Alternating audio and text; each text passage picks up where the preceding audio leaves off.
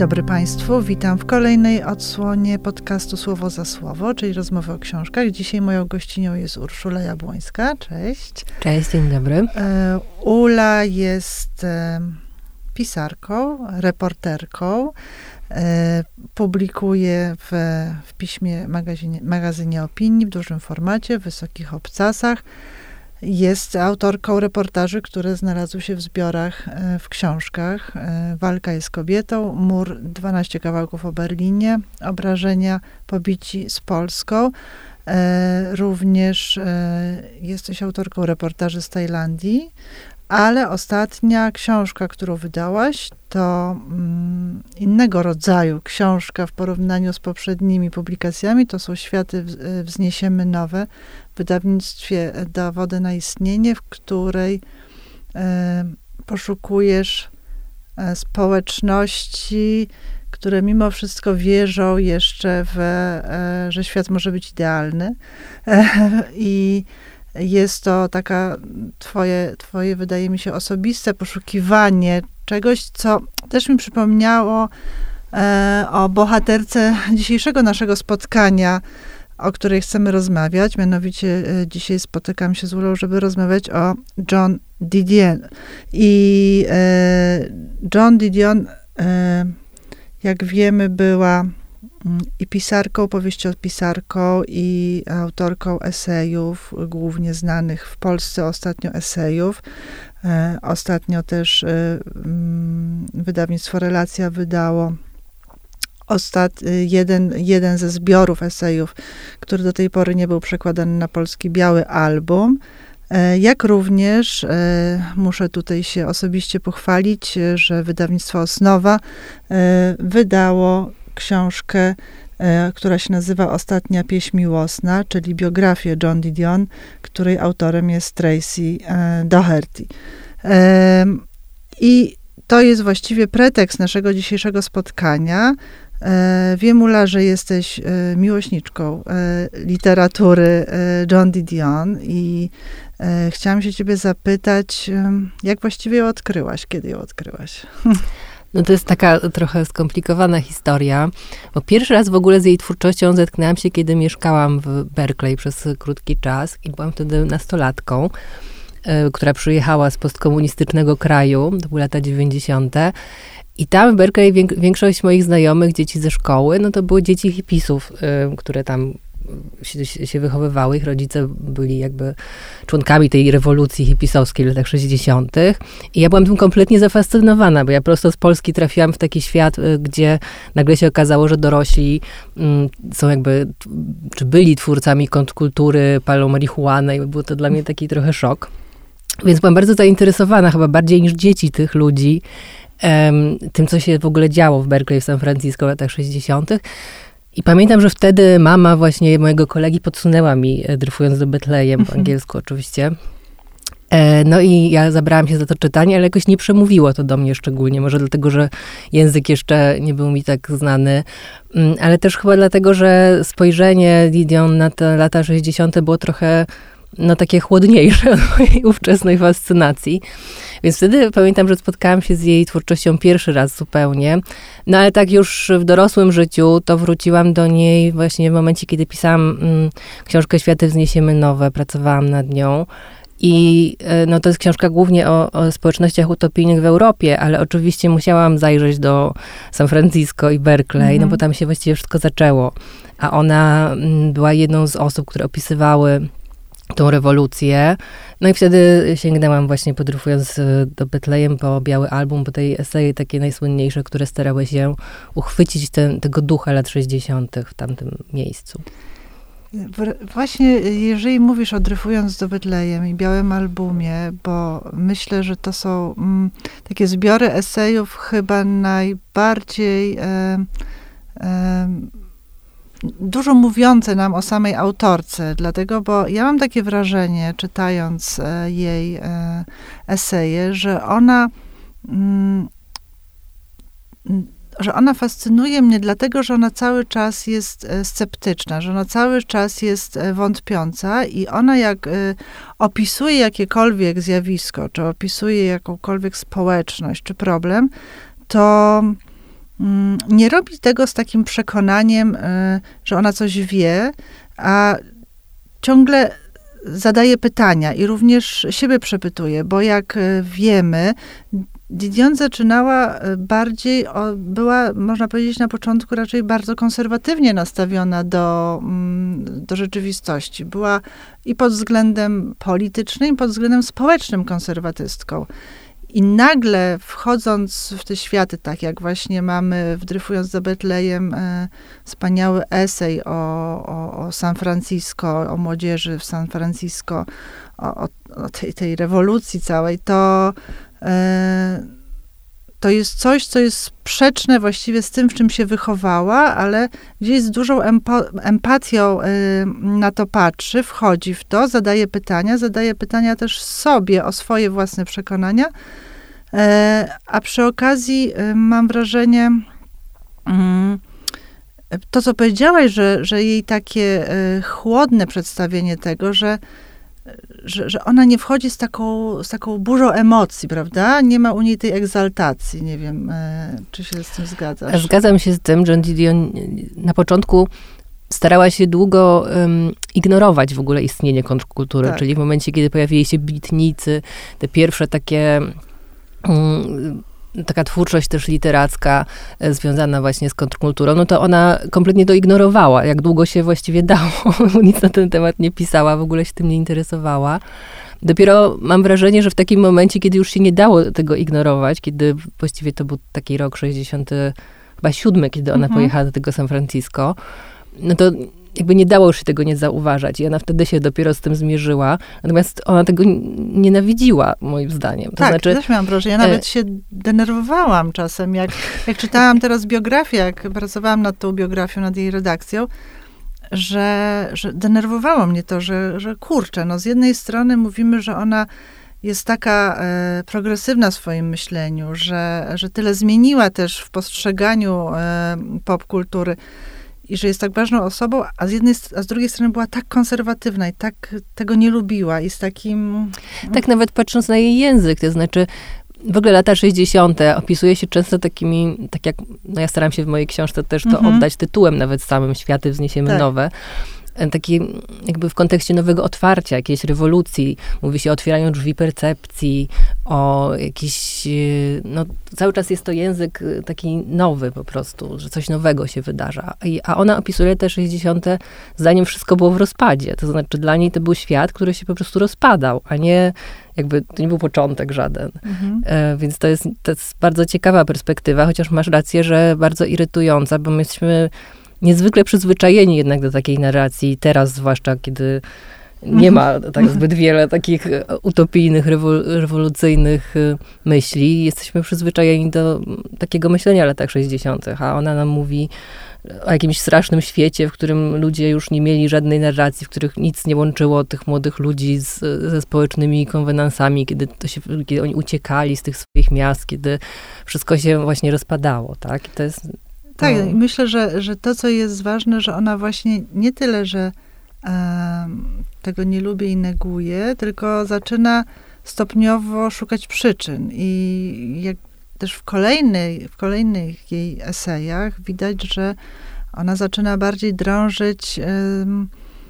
inne, inne sfery, czyli też i polityków, i, i potem się fascynuje globalizacją, ale pod takim, w takim sensie nie jak dzisiaj ją postrzegamy, ale raczej jak to wszystko jest powiązane, że jeżeli prezydent e, tutaj się ułoży z prezydentem innego kraju, na przykład na sprzedaż broni, to to skutkuje w innym kraju e, rozlewem krwi, a jeszcze w innym wzbogaceniem się, że to wszystko, wszystko jest powiązane i że, że, że władza również tutaj bardzo krytycznie podchodzi do, do rządów amerykańskich, do, mm, i najpierw i, i, i, republikanów, najpierw demokratów, potem republikanów, więc stara się być w tym e, bardzo obiektywna. E, więc, więc tego, tego, tego upadku doszukuje się, doszukuje się głębiej i głębiej w różnych... Tak właśnie, dlatego mm, to nie jest tak, że ona była konserwatywna i po prostu nie mhm. lubiła y, takich lewicowych, utopijnych historii. Ona po prostu, mam wrażenie, tropiła mm, takie narracje, które ludzie sobie opowiadają i starała się je zdemonto- zdemontować w jakiś mhm. sposób. Nawet chyba w Białym Albumie bezpośrednio pisze, że miała taki mhm. kryzys tego, że jakby każde wydarzenie można zaprząc do jakiejś narracji, do, do, zupełnie skrajnych narracji i w związku z tym ta prawda ciągle unik, umyka gdzieś. Więc ona starała się rozmontowywać tę narrację, zarówno z jednej strony, jakby, jak i z drugiej. I to było w niej um, takie no niesamowite, bo mało osób jest w stanie wyjść trochę za swoich sympatii tak naprawdę politycznych. A mi się wydaje, że, że jej się to udało. To prawda, choć też myślę, że ten jej konserwatyzm też wynikał z miejsca, w którym się wychowała. Ona e, wychowała się w Sacramento, w, w Kalifornii, potem no, studiowała też przecież w Berkeley i, e, i miała bardzo mm, taki dużym szacunkiem darzyła przeszłość Kalifornii, też, e, też tych pierwszych mieszkańców, którzy tam przyby, osadników przybywali, E, no, chciała poświęcić całą książkę temu, próbowała, odkładała. E, to, to jakoś tak czuła, że ma taki dług wobec tych swoich e, przodków, którzy, którzy, bo jej rodzina, no, jak na amerykańskie warunki, była taką rodziną wielopokoleniową już w tak. Ameryce, prawda? I to też z tego wynikało, że ona wyrastała z tego swojego domu powoli i wychodziła coraz dalej za, za ogrodzenie tego swojego domu. Natomiast e, zastanawiam się, e, nie wiem, co ty myślisz na, na ten temat, że, że, że no, Dion jest rocznik 34, w 1934 się urodziła, e, więc jest takim dzieckiem lat 40., 50., a dzisiaj fascynuje i dzisiaj ciągle się ją czyta i nie uważa się, że to jest ramota. E, co ona w sobie ma według ciebie, jako też i autorki, pisarki i, i czytelniczki, takiego, że ona jest ciągle mm, no, tak pochłaniająca swoją literaturą? Mi się wydaje, że zwłaszcza jakby w jej twórczości non-fiction, która dla mnie osobiście jest naj, najbardziej ważna, to jest to, że ona trochę stworzyła taki nowy język e, i nowy, nową taką trochę personę reporterską. E, no, może bardziej eseistyczną, ale no, ona została zaliczona do tego nurtu nowego dziennikarstwa. Mhm. I o ile się no, inni członkowie tego nurtu to byli tacy męscy mężczyźni, którzy się tak bardzo angażowali w swoje historie, e, które opowiadali, czyli Hunter Thompson, który nie stronił od narkotyków i e, gangów motocyklowych, pisząc się mhm. bardzo angażował w różne e, takie historie. Na przykład, tak, to jest chyba najbardziej znany e, przykład właśnie nowego dziennikarstwa. No, byli też inni, ale ona właśnie była tam jedyną kobietą w tym środowisku. I ona stworzyła taki swój, swoją metodę pracy, która polegała na tym, że ona jakby bojąc się cały czas popadania w te narracje, bardzo dokładnie opisywała jakby zastaną rzeczywistość pięknym językiem, który był pełen różnych odniesień do literatury, do historii e, i jakby wyciągała z tych takich reporterskich swoich podróży mm, no, tak zupełnie nową jakość, jakąś taką głębię, która jest niesamowicie no, niepowtarzalna. Bardzo trudno jest coś takiego zrobić, nie popadając w jakieś klisze. E, ale ona miała też niesamowitą wrażliwość, która w ogóle dla mnie jest zaskakująca, ponieważ ona potrafiła, miała jakiś taki szósty zmysł, gdzie potrafiła z wielu sytuacji, po, pozornie nieistotnych, jakby wybrać stamtąd taką rzecz, która była ucieleśnieniem jakiegoś ducha czasu. To znaczy, mhm. Może podam przykład, y, który mnie właśnie tak mhm. najbardziej zaskoczył. Jak ona pojechała do tego San Francisco opisywać tych hipisów, no to była chaos, to był totalny chaos, sobie to tak wyobrażam. To był rok 67, tuż przed latem miłości, kiedy tam zjechało po prostu pół Stanów. E, I ona jakby, będąc tam dwa miesiące, potrafiła po prostu przyszpilić punkty, które potem były uznawane przez wielu myślicieli za to, co nie działało w tej rewolucji. Ona to po prostu wyciągnęła, tak? Czyli to, że dzieci były w to zamieszane, często podawano im narkotyki, były zaniedbane, tak? Te wszystkie sekciarskie y, klimaty, czyli w sensie, w sensie że potem zaczęły powstawać różne dziwne ugrupowania um, radykalne. I ona to wszystko w, tych, w, ciągu tych dwóch miesięcy idealnie po prostu przyszpiliła. To jest niesamowite dla mnie, jak ona to robiła że potrafiła mm, no, bardzo uważnie obserwować i rzeczywiście ona e, nie bała się, w, mimo całej jej takiej mm, gdzieś y, kruchej konstrukcji psychicznej, bo to jest też fascynujące, że dla mnie ona, że Didion była bardzo niepewna siebie i bardzo taka często zagubiona. Zresztą otwarcie też pisała o swoich diagnozach y, depresji i takiego, nie, takiego usiłowania y, sprostania codzienności bycia i matką, żoną mm, i, i, i dobrą e, pisarką, e, to przy całej takiej nieśmiałości, jak widać, jak się słucha wywiadów z nią, na przykład, że ona mówi takim bardzo cichym głosem, że e, właściwie w każdym słowie jest jakaś niepewność, czego nie widać w jej tekstach. Bo te teksty są tak cyzelowane, każde słowo się liczy.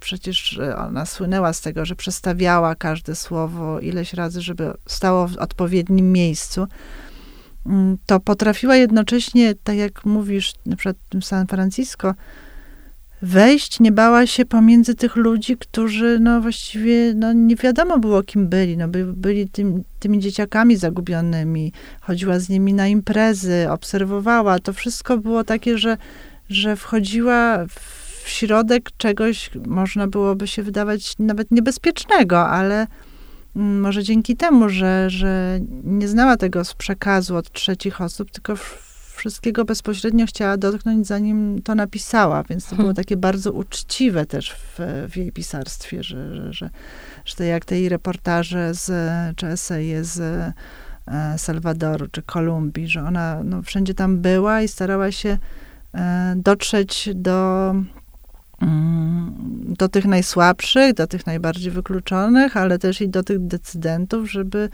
e, wiedzieć, o czym pisze, a nie wymyślać, prawda?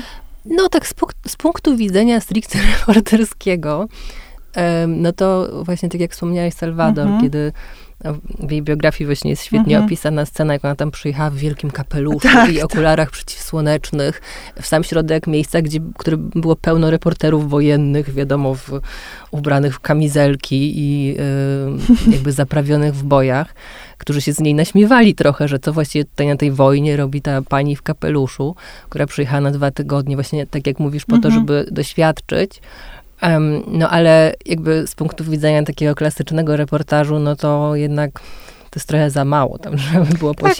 Tak, ale, ale czy ona rzeczywiście...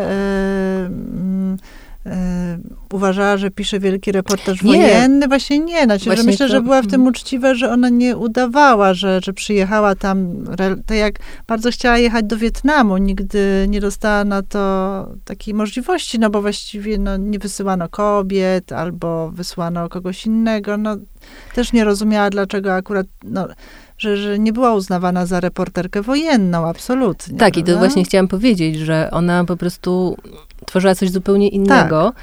I na przykład dla mnie jako reporterki w ogóle ta figura takiej kobiety, która znajduje się nagle w takim stricte męskim otoczeniu, mhm. jest jakoś bardzo inspirująca, no bo wiadomo, że potrzebuje się jakichś takich figur, w które się można wczuwać, kiedy się pracuje. I jednak w reportażu to są zawsze mężczyźni, tak, mhm. którzy gdzieś się przedzierają w jakiejś dżungli, docierają do jakichś niezbadanych miejsc. A właśnie ta figura tej John, która jest taka drobna, pojawia się gdzieś w tych okularach, siada gdzieś z boku, przysłuchuje się. Na przykład dla mnie była jakaś w ogóle osobiście bardzo ważna, bo zawsze jak się znajdowałam w takim miejscu y, podobnym, E, gdzie się na mnie e, tacy prawdziwi reporterzy patrzyli mhm. jak na jakąś panię, panią z walizeczką, to zawsze myślałam o John. myślałam sobie, dobra, ja jestem jak John, piszę co innego, robię co innego, nie przejmuję się tym. Nie? No właśnie i myślę, że, że i to dziennikarstwo wojenne, taka reporterka wojenna e, w zestawieniu z tekstami, które pisała John, to no to jakby dają taką całość, bo, bo reporterzy wojenni zupełnie się też na czym innym skupiają i też nie zauważają rzeczy, które ona z kolei zauważała, bo patrzyła zupełnie z innej strony. Nie przyjechała tam po to, żeby relacjonować walki, prawda? Tak, Tylko raczej... Żeby zależności tak. tropić między różnymi politycznymi gierkami. Tak, no więc y, o to chodzi. Mm, a uważasz, że mm, można ją nazwać feministką? Nie. No właśnie. Myślę, że ona by się obraziła, gdyby się ją tak nazwało.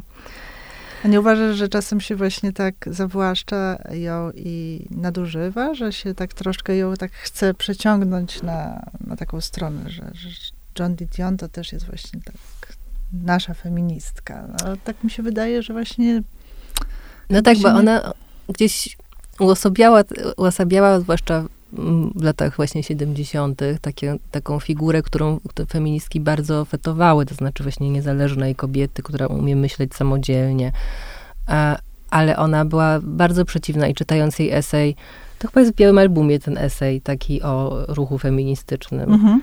No to można się zdenerwować bardzo, bo ona tam naprawdę y, krytykuje ten ruch w sposób taki okropnie zjadliwy po prostu i też bardzo taki no dzisiaj byśmy powiedzieli, że ona po prostu nie dostrzegała własnego przywileju kobiety mhm. jakby z bogatej rodziny, którą stać na opiekunkę do dzieci e, i pisze tam takie rzeczy, e, od których no naprawdę ja przynajmniej e, bardzo się denerwuję, czyli właśnie, że dlaczego nie możecie zmienić męża, zmienić lekarza i w ogóle dajcie spokój po prostu z tymi pretensjami ze świata.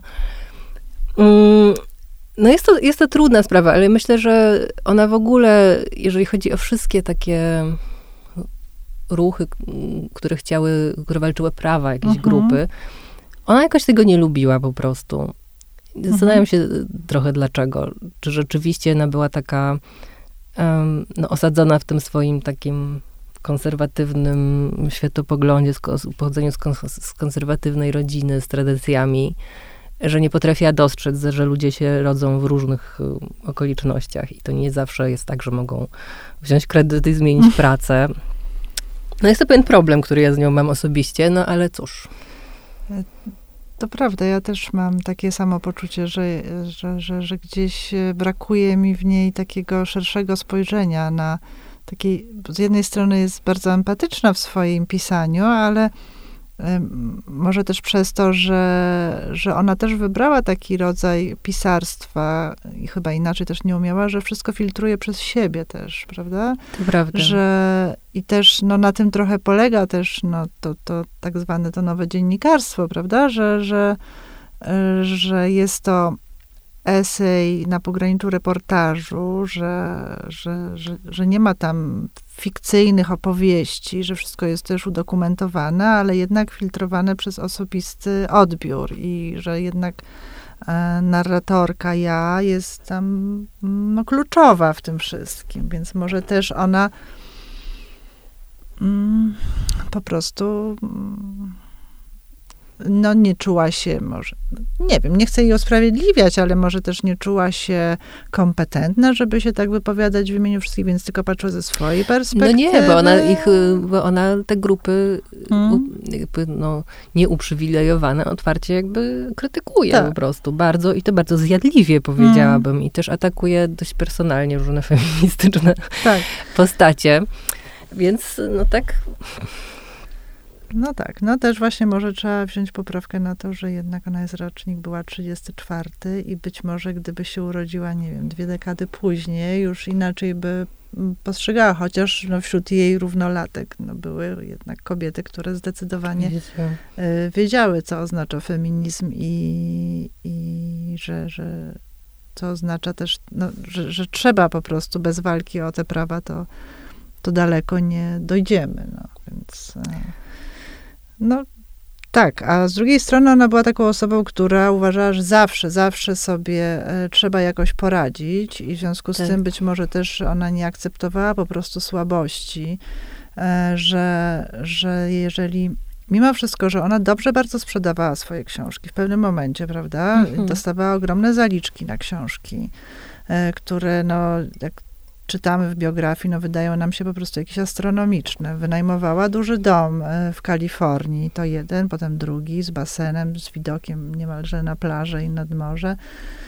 To, e, to ciągle, miałam też wrażenie, że ciągle im tych pieniędzy brakowało.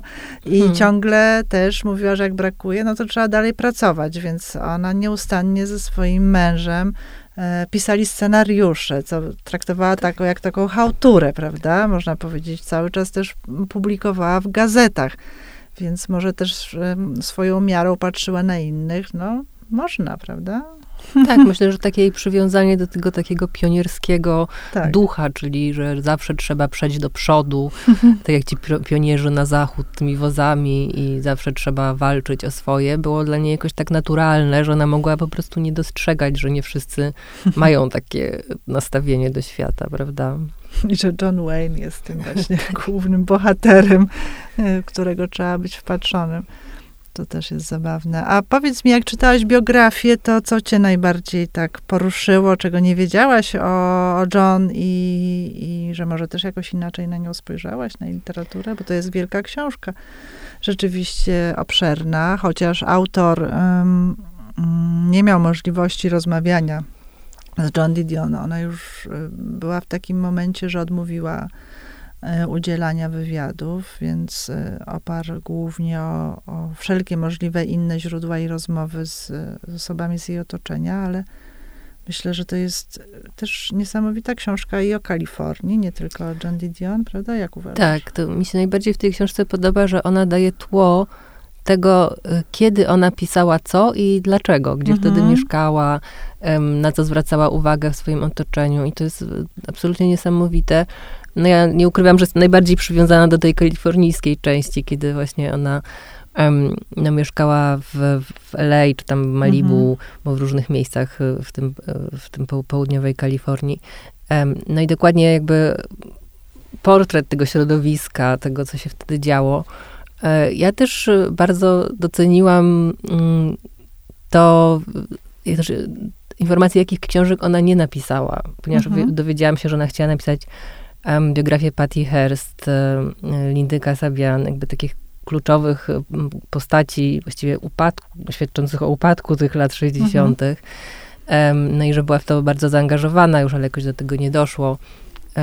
więc no, najbardziej niesamowite właśnie w tej, w tej biografii jest patrzenie jakby w jaki sposób powstawały te, te książki i też dzięki temu można lepiej zrozumieć jej twórczość. Jej też takie zagubienie, bo pamiętajmy jeszcze, no, że z jednej strony mamy bardzo jej aktywną pracę pisarską. Ona podróżuje zawsze z maszyną do pisania, jeździ y, cały czas gdzieś jest w ruchu, a jednocześnie jest mąż i jest adoptowana córka, która też no, była bardzo ważną osobą w jej życiu, ale której nie była w stanie też no, poświęcić wystarczająco dużo czasu, przez co też cały czas przeżywa takie rozterki. Też bym chciała, co ty o niej myślisz jako o już niezawodowo, jako o kobiecie, osobie, która no tak nie może sobie poradzić z tą codziennością, tak jakby troszkę tak no nie wiem, czy właśnie może bez sensu wymagamy, żeby sobie radziła. No. no właśnie to są te, te, kwestie tego konserwatywnego tak. podejścia do życia. Znaczy, ona bardzo chciała mieć dziecko, ale sama jakby przyznała, że w momencie, kiedy adoptowała tą córkę, bo sama jej się nie udało zejść w ciążę, no to przyznała, że ona nie wie, nie wiedziała, nie spodziewała się, z czym to się wiąże. Mhm. I ja myślę, że to po prostu jej się nie mieściło w głowie, że można nie być matką. I kiedy się okazało, że dziecko wymaga jednak niesamowicie dużej ilości uwagi, e, a ona nie była w stanie kompletnie e, jakby tego mm, jej dać, no to niestety chyba wydaje mi się, że możemy powiedzieć, że ona wybrała literaturę, co mhm. niestety się fatalnie odbiło potem na historii. E, Quintany, córki. Tak, mhm. na historii jej córki. No i to jest taki chyba największy dramat jej życia, właściwie można powiedzieć. To takie nie do końca udane e, macierzyństwo. Natomiast jeżeli chodzi o nią jako kobietę, to ja jej nie postrzegam jako osoby zagubionej. Ja mm -hmm. myślę, że ona mhm. trochę kreowała taki swój obraz mm -hmm. w, tych swoich, w tej swojej literaturze, takiej właśnie, że ona jest taka, tutaj tylko nie, nie, przeszkadza, tylko sobie tutaj tak przysiadła i słucha i jest taka krucha i ona w ogóle była niesamowicie silną kobietą, to znaczy jakąś taką w ogóle a tyle pisała, do tak różnych jakby właśnie do filmów, do, do gazet, książki, cały czas pracowała, e, cały czas parła do przodu, no to jest jakieś niesamowite. No każdy, każdy, kto się zajmuje pisaniem, wie, ile to kosztuje po prostu. I trzeba przyznać, że, że była też organizatorką tego ich y, życia rodzinnego, mimo różnych y, y, może niepowodzeń, ale jak trzeba było się przeprowadzić, no ona stała za organizacją tego wszystkiego. Trzeba było potem mieć droższe ubezpieczenie medyczne, żeby żeby John, jej mąż, mógł się leczyć w takich, a nie innych szpitalach, to, to więcej trzeba było pracować tak jakby wtedy zachowywała całkowicie zimną krew i rzeczywiście wtedy była bardzo silna. No myślę, że, że taki rozpad no czasem widać w esejach, no tak jak w Roku Magicznego Myślenia, czy w Błękitnych Nocach, które poświęca właściwie no, e, swojej córce i mężowi, no ale i też sobie, no bo mhm. też taki robi rozrachunek ze sobą, prawda? Tak. To też e, myślę, że jest e, wartościowe, że ona się też nie kryje z tymi swoimi kryzysami. Nie, nie, nie uda, znaczy, tak jak mówisz, że kreuje, ale z drugiej strony też nie, nie wstydzi się e, opowiadać o tych swoich rozterkach i jakichś też niepowodzeniach. No tak, myślę, że rok magicznego myślenia i błękitne noce, no to, to, to były właśnie mm, książki, które wynikły z tego, kiedy ona zaczęła się mierzyć z, mm. ze stratą, tak? Ze stratą, tak. ponieważ ona straciła męża i córkę właściwie w przeciągu tak. roku. Um, no i ona wtedy, myślę, że zaczęła tak głębiej zaglądać w te wszystkie zakątki, znaczy dlaczego to się stało, jakby ile jest przeznaczenia, ile jest jej mm. winy, ile jakby co straciła, co zyskała, jakby taki rachunek trochę emocjonalny, rachunek strat, no właściwie napisze w tych książkach, który jest strasznie no, niesamowicie szczery i poruszający, mm -hmm. taki do głębi, tak? To też Rok Magicznego Myślenia to jest chyba jej książka, która zebrała najwięcej jakiegoś takiego um, takich oklasków, aplauzu mm -hmm. publiczności, też nagrodę dostała, prawda, za nią. Um, więc ona w tym rzeczywiście się tak jakby zagląda w głąb siebie, tak? Co wcześniej trochę może robiła, ale tak bez, bez przesady, powiedziałabym. Mm -hmm. Proszę Państwa, bardzo, bardzo zachęcam Państwa do przeczytania biografii John Didion, Ostatnia pieśń miłosna, która właśnie wchodzi mm, do księgarni. E, I oczywiście e, nawet ci, którzy jeszcze nie mieli e, okazji zetknąć się z literaturą John Didion, to myślę, że ta biografia E, nie dość, że oczywiście zachęci do tego, żeby sięgnąć, to jeszcze jest wielką przyjemnością dla osób, które są zainteresowane historią Stanów czy Kalifornii. Rzeczywiście autor tutaj e, poza samobohaterką e, przedstawia E, no, taką dosyć dogłębną analizę e, i Kalifornii. Oczywiście też mamy i tam Nowy Jork, ale myślę, że ta Kalifornia przede tak, wszystkim tutaj e, mm, jest mocno, mocno opisana.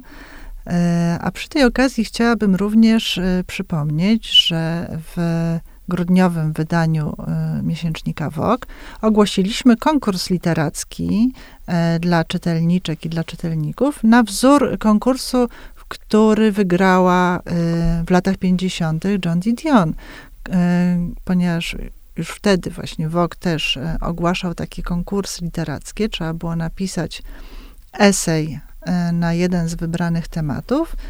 I John Didion, która marzyła o tym, żeby wyjechać do Nowego Jorku, wysłała esej, który napisała i tak się okazało, że wygrała ten konkurs nagroda była pieniężna lub dwa tygodnie w Paryżu. E, a ona no, wolała przyjąć nagrodę pieniężną, ale również e, Zażądała. Zażądała, można Nie powiedzieć. bójmy się tego tak, słowa. Zażądała, że chciałaby również pracować w redakcji Woga w Nowym Jorku i jakiś sposób przekonała e, e, dyrekcję, e, redakcję i rzeczywiście wyjechała. Zaczynała od y, bardzo takich podstawowych y, mm, zadań, czyli pisanie zajawek, streszczeń, notek, co zresztą też być może y, dało jej niezłą szkołę na potem, bo musiała się nieźle wyćwiczyć też i w krótkiej formie. W każdym razie myślę, że, że, że, ta, że ta opowieść też zachęci Państwa do sięgnięcia i do numeru Woga, jak i na wog.pl mają Państwo też szczegółowe informacje dotyczące konkursu i zachęcam, bo, E, bo kto wie, no może się tutaj nowa John Didion w Polsce e, Przydałaby nam, się. Przydałaby się nam. E, bardzo ci, Ula, dziękuję. Moją gościnią była Urszula Jabłońska Dziękuję. i do usłyszenia.